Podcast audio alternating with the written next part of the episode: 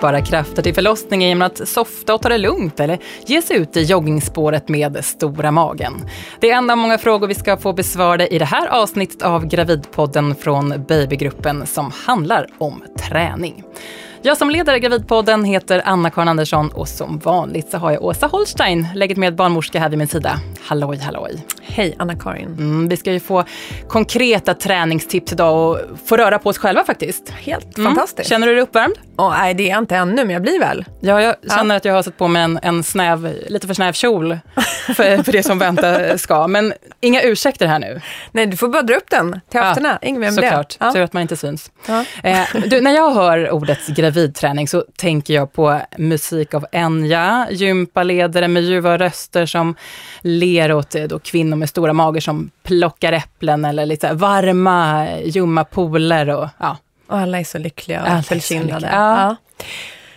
Lite du, småtöntigt helt ja. enkelt. Ja. Det låter inte som du har gått på någon gravidträning riktigt, har du det? Nej, gått med där. Ja.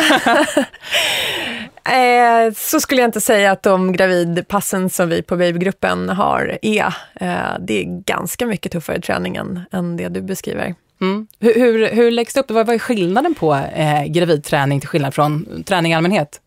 Skillnaden på gravidträning och vanlig träning är ju att gravidträningen är speciellt anpassad för den gravida kroppen. Mm. Och den gravida kroppens speciella behov utifrån var just du befinner dig i graviditeten. Mm. Men du inledde här med att pika mig lite grann, eh, för att jag då eh, erkänner här att jag inte tränade så mycket under min graviditet. Eh, men, men du har ju tidigare avslöjat i programmet som handlade om, om vikt, att du gick upp nästan 25-30 kilo under dina tre graviditeter. Så hur mycket tränade så. du själv?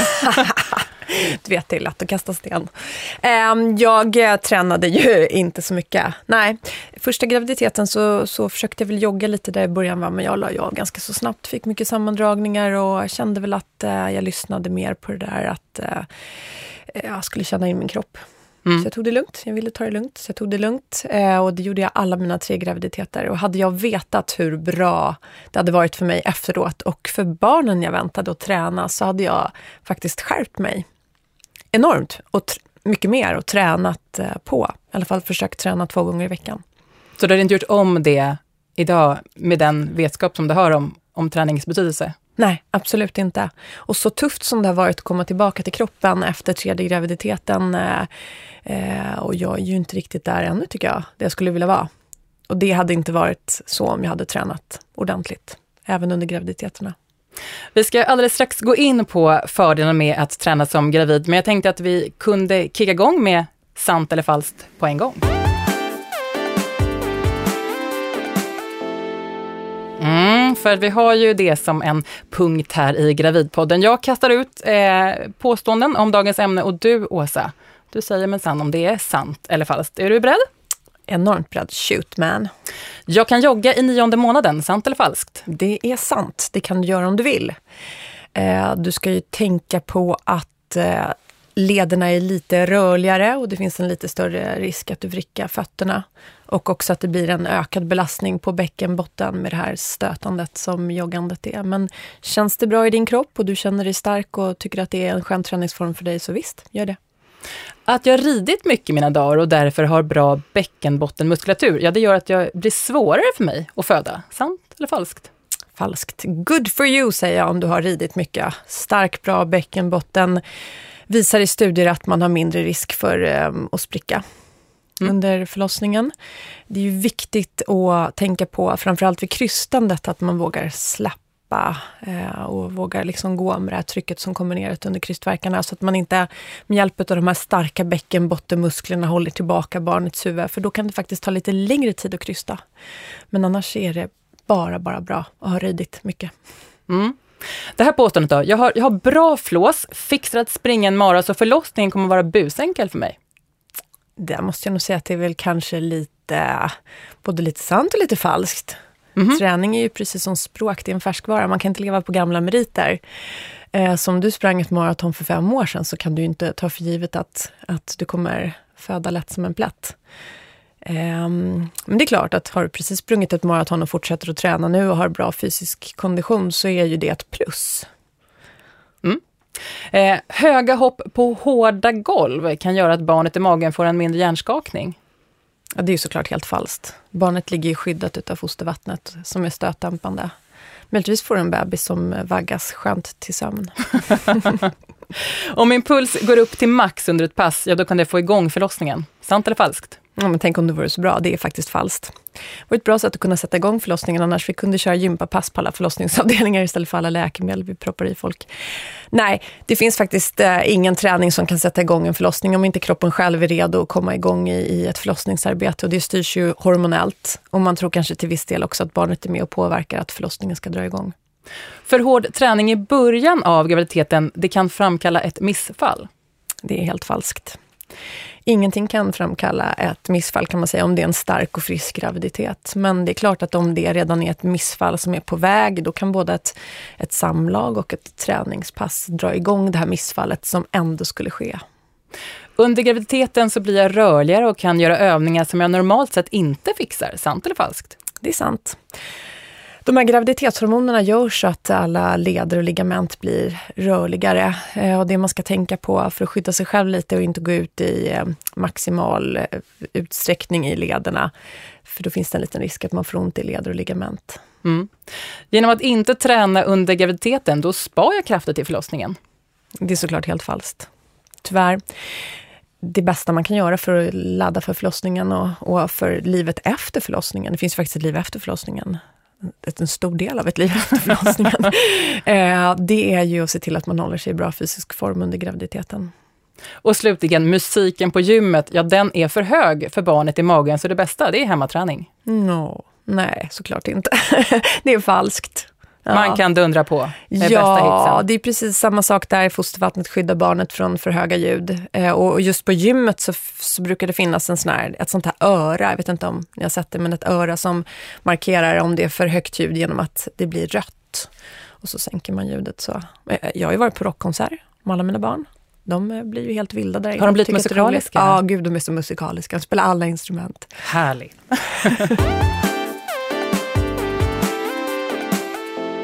Det här är Gravidpodden från Babygruppen. Vi ska nu gå in på fördelarna med att träna som gravid. Vilka övningar som lämpar sig extra bra för havande och vad man kanske bör undvika. Välkommen till Gravidpodden säger jag till Maria Wigbrandt. Tack. Hej, välkommen. Tack. Eh, du är verkligen expert i det här ämnet. Du är legitimerad barnmorska, du är föreläsare och instruktör och du utbildar de som ska leda gravidträning av olika slag och dessutom författaren bakom boken Stark, glad och gravid. Det stämmer. En lång presentation. Oj, ska försöka ja. leva upp till allt det där? Precis, ja. Mm. Du, att, att träna under graviditeten, eh, det är bra både för kvinnan och för barnet i magen. Jag tänkte vi skulle börja med, med kvinnan. Vad finns det för fördelar för den som väntar barn? Ja, det som är viktigt att komma ihåg det är att de positiva effekterna och det vi rekommenderar är ju utifrån en frisk gravid kvinna som genomgår en normal graviditet. Allt annat ska i så fall tas hand om sjukvården, så det är viktigt att komma ihåg. Men fördelarna av de flesta studier som finns och gjorda på gravida kvinnor visar på att det är, som, precis som du säger, bara fördelar. Och för kvinnan så är det ju det, det som Åsa redan har varit inne på, att man orkar både graviditet och förlossning mycket bättre. Man sover bättre, vilket är en jätte, jätteviktig del under graviditeten. Man får en bättre hållning, orkar bära den växande kroppen. Minskar risken för fetma och övervikt, depressioner, hjärt-kärlsjukdomar, diabetes. Allt sånt som kan leda till komplikationer för både mor och barn under graviditeten. Och för barnet så är det ju så att det finns studier idag som visar på att eh, tillväxten av moderkakan, som ju är barnets liksom, viktigaste näringskälla och fungerar som lungor och lite så, eh, växer snabbare hos en gravid kvinna som tränar. Och mm. då skapar man ju väldigt bra förutsättningar för barnet i magen. Du in Åsa var inne på att, att du hade tänkt annorlunda om du vetat om eh, det här. Eh, känner ni att man har missat lite grann eller att det har kommit fram eh, nu det här med att, att man också tänker på, på barnet i magen? Mm, fler och fler, eh, tidigare för 20-tal år sedan när jag började och titta lite på det här på grund av mitt intresse kring träning, så fanns det inte så mycket tillgängliga studier för man ansåg att det inte var etiskt korrekt att forska på en gravid kvinna. Men idag så finns det mycket bra väl genomförd och tillgänglig forskning som visar på att det är bara fördelar för mor och barn om hon är fysiskt aktiv och att vi idag står inför problemet att för många väljer bort träning för att man är så rädd. Mm. Så det, men det har absolut skett en förändring och eh, att fler och fler tjejer börjar förstå att hur viktigt det är att faktiskt hålla igång under graviditeten. Och det kan jag tänka mig som du var inne på, att, att, att det blir en morot på ett annat sätt eh, när man också har det här barnet att, att, att, tänka på. Ja, jag brukar säga att det är världens bästa tillfälle att förändra dåliga vanor och dåligt beteende. Så mm. är det någon gång man ska starta någonting bra och hälsosamt så är det väl nu. Mm. Eh, du sa att, att, att många är rädda. Vad, vad, tänker du på då? Nej, men det, man, det florerar ju en hel del myter och mycket av det har ni ju redan presenterat i det här Sant och falskt. Men att det finns mycket rädslor och farhågor och framförallt äldre generation som kommer med pekpinnar och talar om för de här tjejerna hur de ska göra. Och rädslan för att man ska kunna framkalla ett missfall är väl den största rädslan. Mm. Eh, om, om vi, vi tänker oss eh, en, en medelmåttig eh, motionär som mm. ger sig ut kanske i joggingspåret då, eh, någon gång i veckan eller går på en sån här klassisk gruppträning av något, något slag. Eh, hur, hur ska jag då tänka kring min träning när jag blir gravid? Alltså, det finns ju en hel del så bra rekommendationer när det gäller träningen, men man brukar säga att man ska försöka få till i alla fall 150 minuter i veckan. Och det som jag tycker är bra med den rekommendationen, är att du kan dela upp det precis hur du vill. Om det så är tre minuter på förmiddagen och 15 på eftermiddagen, eller man behöver inte liksom ge sig ut i spåret en timme eller vara på gymmet en timme, utan att man kan dela upp det. Men att eh, Självklart ska man lyssna på sin kropp, men det är också sånt där litet svårt råd att ge och träna så länge det känns bra. För vad betyder det? Men att tänka på liksom att eh, kanske hålla ner intensiteten något, men annars träna på. Är du van att träna så tycker jag att man ska fortsätta träna precis som vanligt fram till mitten utav graviditeten, för då börjar det bli dags att se över sitt val av vissa övningar på grund av hormonella förändringar som sker i kroppen. Men Annars, kör på. Och sen är det faktiskt så att under graviditeten så orkar du inte på samma sätt som tidigare. Så man behöver inte vara så himla rädd för det här som många säger är att åh, jag är så rädd. Nu kommer jag upp i så hög puls och då har mitt barn dött i magen. Och eh, det är så sorgligt att den där rädslan finns därför att du orkar inte ligga kvar på den där höga intensiteten. Jag, jag skulle nog ärligt kunna säga, jag tror inte att det är någon tjej som har kommit upp i maxnivå under sin graviditet. Det gör du ju knappt när du inte är gravid. Så kroppen är lite smart och självreglerande så att kör på, gjort, som jag brukar säga. Men, men, men det förvånade mig att du sa att det var den hormonella eh, förändringen som gjorde att man skulle tänka om efter halvvägs av vecka 20. Ja, det är två saker. Ungefär från vecka 20 så är det så att då börjar barnet liksom ta en hel del plats i magen, det blir en ökad belastning på bäckenbotten och då är det viktigt att möta den belastningen med bäckenbottenträning. Men också att ett hormon som heter relaxin, som har till uppgift att luckra upp eh, bindväv och brosk, framförallt i höftregionen gör att man blir lite mer ledrör, ledrörlig och då är det bra om man tänker bort övningar som belastar bäckenet ojämnt, som stående cykling till exempel, eller att man tar ut rörelserna i, i liksom hög utsträckning i yogapositioner liknande som Åsa var inne på. Trappmaskin brukar jag inte rekommendera eftersom det är lätt att hamna. Vissa typer av benövningar som så kallat utfall där man kliver med ena benet framför andra och sen böjer i knät. Där man liksom riskerar att hamna lite i ett, i ett obalans i bäckenet. Mm. Om vi nu tänker oss istället den här äh, riktigt hurtiga äh, tjejen som äh, faktiskt är på en, på en, på en hög nivå. Äh, hur hur, hur ska jag tänka då kring ja, träning där, och graviditet? Där, där är tjejer som är vana att träna, kanske lever under devisen no pain, no gain. De har lite ja. svårt med det där att lyssna på sin kropp. Mm. För att de är vana vid att träning ska kännas och helst smärta lite, för då är det bra. Så att eh, är det någon gång som ordet lagom passar ganska bra så är det faktiskt under graviditeten. Att man i lagom mängd tränar eh, och inte går ut för hårt. Och sen att det är viktigt att tänka på det här med återhämtning och näringsintag. Då. Mm. Mm. Och sen har vi gruppen eh, som, som inte tränar alls. Och kanske inte tränar, då, då tänker jag inte att man inte bara tränar när man är gravid, utan att man, man tränar in, mm. man är dålig på att träna överlag. Mm. Och så blir jag gravid och så sitter jag och lyssnar nu på ja, Åsa och Maria här. Eh, mm. Som, som lägger fram alla fördelarna. Ja, och det är, det, här, det är här som vi som jobbar i professionen har den största utmaningen. Att inspirera och motivera de som inte tränar. Men är det en, en idé att börja träna? Om Absolut, jag inte tränar och som jag sa tidigare, är det någon gång du ska börja så är det väl nu. Mm. När du dessutom har en liten annan människa att ta hänsyn till. Och är det någon gång man är riktigt motiverad mm. så är det oftast när man är gravid och väntar det här barnet som mm. man vill ge allra bästa förutsättningar. Så att, eh, bara shoot. Mm. Gör det. Eh, det här med att lyssna på sin kropp då. Eh, alltså min erfarenhet av, av mina två graviditeter och MVC-besöken, det var ju väldigt mycket det här allmänna rådet, lyssna på din kropp. Och är man då det minsta lilla trött och kanske lite illamående, då är det ju väldigt lätt att lyssna på sin kropp och lägga sig på soffan. Gud vad skönt. Ja. Eh, alltså hur... hur ehm, Ja, och det är klart att man ska lyssna på det, men det finns faktiskt forskning som visar idag att just det där att man är så trött, och i synnerhet i början av graviditeten när man är liksom i princip helt utmattad och helst klockan fyra vill gå hem och lägga sig och dra täcket över huvudet och kanske på vägen stoppa i sig några praliner. Det bör man ju göra också då när man har en bebis i magen. Eh, Så är det så lätt att ge sig hän till det där, men det finns faktiskt studier som visar på att just trötthet och ill- graviditetsillamående som många tjejer drabbas av förbättras av att man är fysiskt aktiv. Och då handlar det inte om att man ska prestera värsta träningspasset, utan kanske bara en rask promenad i friska luften runt kvarteret. Det behöver, man behöver inte sätta så himla höga, så mycket prestation i det här med träningen, utan mer se det som att ja, men nu kör jag igång min kropp här lite grann och så kommer man att sova bättre och, och så.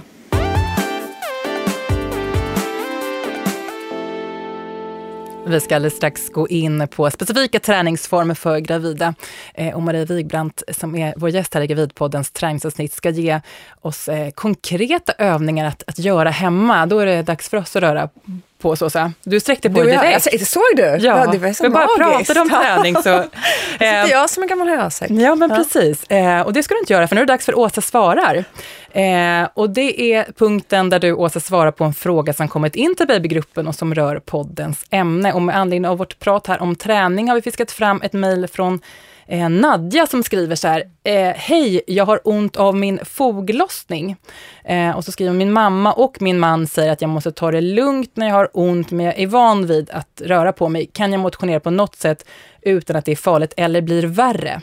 Eh, vad svarar du, Åsa? Ja, men då svarar jag att det blir oftast inte värre, det blir snarare bättre faktiskt av att röra på sig. Att fysisk aktivitet kan underlätta vid foglossningssmärtor. Men det är ju viktigt att man gör rätt rörelser. Till exempel ska man inte stå väldigt bredbent för då belastar man bäckenet som redan är belastat ändå mer.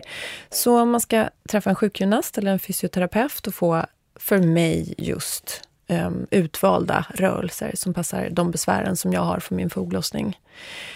Och vattengympa kan vara fantastiskt. Varmt och skönt. Man kan anpassa rörelserna efter de behoven man har. Eh, Man kan cykla, men då ska man precis som Maria sa tänka på att man inte ska stå upp på cykeln utan sitta ner.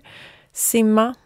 Man kan egentligen göra eh, den mesta träningen. Och det som Nadja var inne på, att det, att, det inte blir, att det inte är farligt eller blir värre. Hon var rädd att det kanske skulle göra ännu mer ont om hon tränade. Oftast blir det precis som jag sa, det blir bättre med, av att man tränar, men just att man verkligen ser till att få rörelser som är anpassade för foglossningsbesvär. Nadja, jag lyssnar inte på din, din man och din, din mamma var det också som hade gett tipset här och bli, bli summad Man av får kardemumman. mycket råd när man är gravid, vare sig man vill eller inte, det har vi pratat om tidigare. Mm, men det är bäst att du håller dig till Gravidpoddens råd helt enkelt.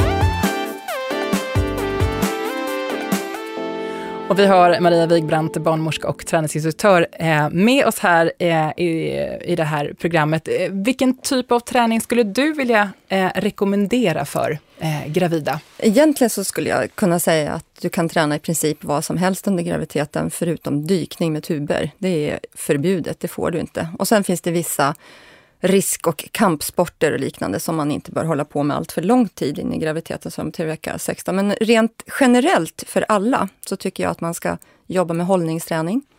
Jätteviktigt att lära sig hur man står och går och hur man bär sin kropp. Det är väldigt många tjejer som, har, som inte är så medvetna om hur de står och går, blir ofta hängande i höften, skjuter fram axlar, huvudet, får problem med smärtor i nacke och axlar och ländrygg. Och det kan ju sen i sin tur leda till att de faktiskt inte rör på sig för att de har ont. Så verkligen jobba med hållningsträning och bra övningar för att liksom stärka upp hållningsmuskulaturen. Satsa på träning för stora muskler, muskler som sätet och, och låren om det är så att man vill vara mycket upprätt under förlossningen, vilket är gynnsamt under förlossningsarbetet. Stark bäckenbotten, stark bål, men med bra bålövningar, så inte traditionella crunches eller stå statiskt i en planka. Det är ju ingenting som vi rekommenderar. Och vaderna, för vaderna kommer på sikt att bära upp eh, barnet och den ökade kroppsvikten under graviditeten. Och har du då starka vader så slipper du besvär med kramp i muskulaturen. Mm. Vi var inne på de här kurserna som är speciellt anpassade för eh, gravida som Babygruppen eh, har bland annat. Eh, vad, vad, finns det för eh, poäng och fördel med att, att gå på den typen av träning där det är just för, för gravida? Vad säger du Åsa? Ja, men den är ju anpassad just efter den gravida kroppens behov och man eh, koncentrerar sig på de muskelgrupperna som man behöver stärka och hjälpa under graviditeten också och sen för att förbereda efter graviditeten. Så där får man det som Maria Wigbrandt är inne på lite grann där kan man, man säga? precis det som Maria Wigbrandt är inne på. Plus att man, eh, om man går gravidyoga så får man ju också andningen och avslappningen och det tänket som är så fantastiskt att ha med sig när man ska föda barn sen. Och det skulle jag verkligen vilja trycka på, det Åsa säger. För att är det någonting som jag som förlösande barnmorska upplever så är det att tjejerna har väldigt svårt att slappna av. Så att yoga och den typen av träning, det tycker jag man ska börja med så tidigt som möjligt. För att alla barn kommer ju inte heller i vecka 40, utan det kan vara bra att träna på det där med att slappna av och andas. Och andningstekniker, det ser ju jag, de tjejer som har hållit på med yoga, vilken skillnad det är.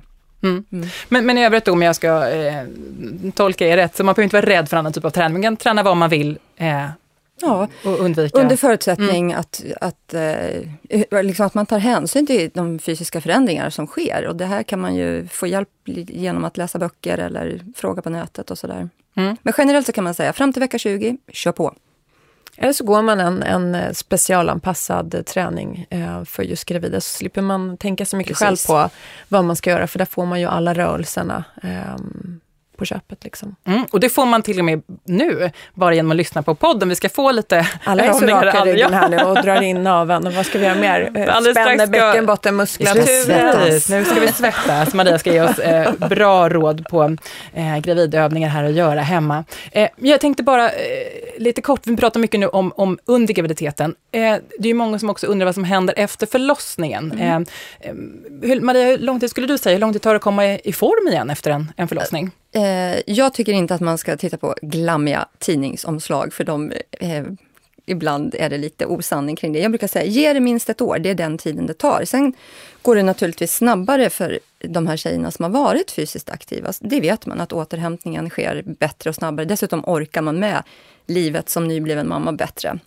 Men jag brukar säga att eh, eh de åtta första veckorna så kan det vara nog att ge sig ut och eh, promenera med barnvagnen. Att få små korta promenader eh, och att man fokuserar på att träna bäckenbotten. Och sen tycker jag, vill jag verkligen uppmuntra alla ni som lyssnar nu att gå på efterkontroll för att kontrollera att bäckenbottenmuskulaturen är återställd, i synnerhet om man kanske har drabbats av någon form av bristning under förlossningen.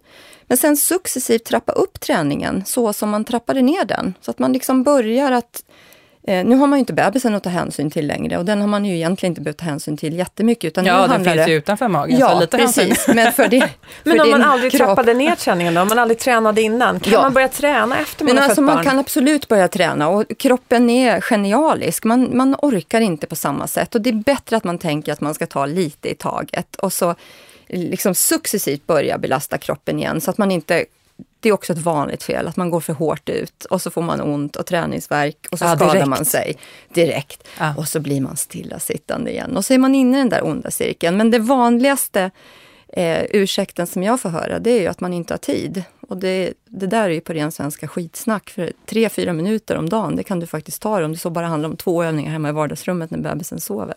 Och då kanske fokusera på att träna sin bäckenbotten och muskulaturen på kroppen och baksidan så att du orkar bära ditt barn också. Mm. Jag skulle komma igång efter första barnet. Oj, oj, oj, snabbt ja. skulle jag komma igång. Ja. Då skulle jag liksom ta igen det där. Jag gick sönder en del första gången och fick ganska många stygn. Eh, kanske Men vad då? Hur då? Ja, när jag födde alltså? Ja, ja, okej. Okay. Ja, jag ja. trodde det var när du var ute och... Nej, nej. nej. När jag, under förlossningen så fick jag en ganska stor bristning, fick ganska många stygn och så var det kanske på dygn sju efter barnet var fött, för jag hade kommit hem, varit hemma några dagar efter BB-vistelsen och nu minsann skulle jag börja. Så vi gick ut på en lång promenad. Vi skulle gå runt Årstaviken. Vi kom halvvägs, sen kunde jag inte ta ett steg till, så vi fick ta en taxi. Du fick ont i bäcken? Ja, jag fick ont i bäckenet och ja. det var alldeles för långt. Och liksom, så det där du säger med att liksom, sätta lite realistiska mål. Mm. Gå ut fem minuter först, ta en promenad på tio. Jag har en, jag har en bra liksom anekdot som jag skulle vilja dela. ja, berätta. Jag var, när jag fick mitt andra barn då var jag 30 år och jag hade tränat och jobbade även då som instruktör under hela graviditeten och sen hade jag en andra, en vildbatting där hemma. Så att jag gick ner ganska så raskt de här graviditetskilorna som jag hade lagt på mig som ändå var 18, 18 stycken kilo. Och efter sju månader, när Theodor var sju månader gammal, så kände jag att nej, nu vill jag verkligen återuppta mitt instruerande. Och det paradoxala i det här det är att jag var så otroligt vältränad på utanpå kroppen. Så att när jag stod inför den här dansklassen på ett center med 100 personer som jag skulle köra dansklass för, så är jag helt övertygad om att alla tänkte Wow, hur kan man vara så där? Jag hade till och med sexpack på magen. Ja. Det är inte eftersträvansvärt, men jag hade det i alla fall. Och jag körde på och jag var laddad och mitt under den här dansklassen när jag gjorde en övning som kallas för jumping jacks, där man hoppar isär med benen, så kände jag att det var någonting som ramlade ner mellan mina ben.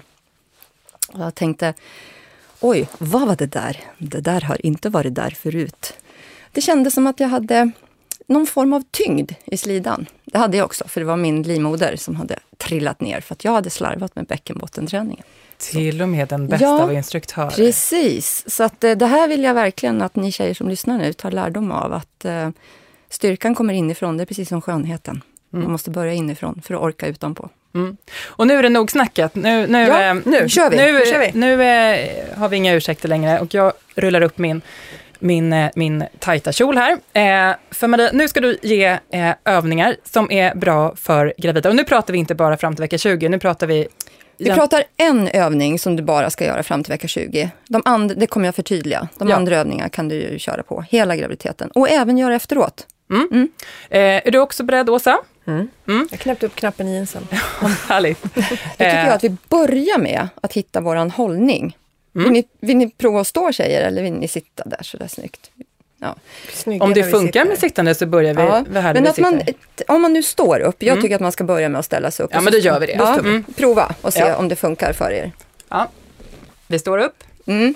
Och då ska man tänka att man har fötterna rakt under höfterna och sen så bara förlänger ryggen och tänker att huvudet vilar på axlarna. Så en liten, liten liksom känsla av att man blir lång, lång, lång. Inte att man trycker fram bröstet eller drar bak axlarna, utan mer förläng.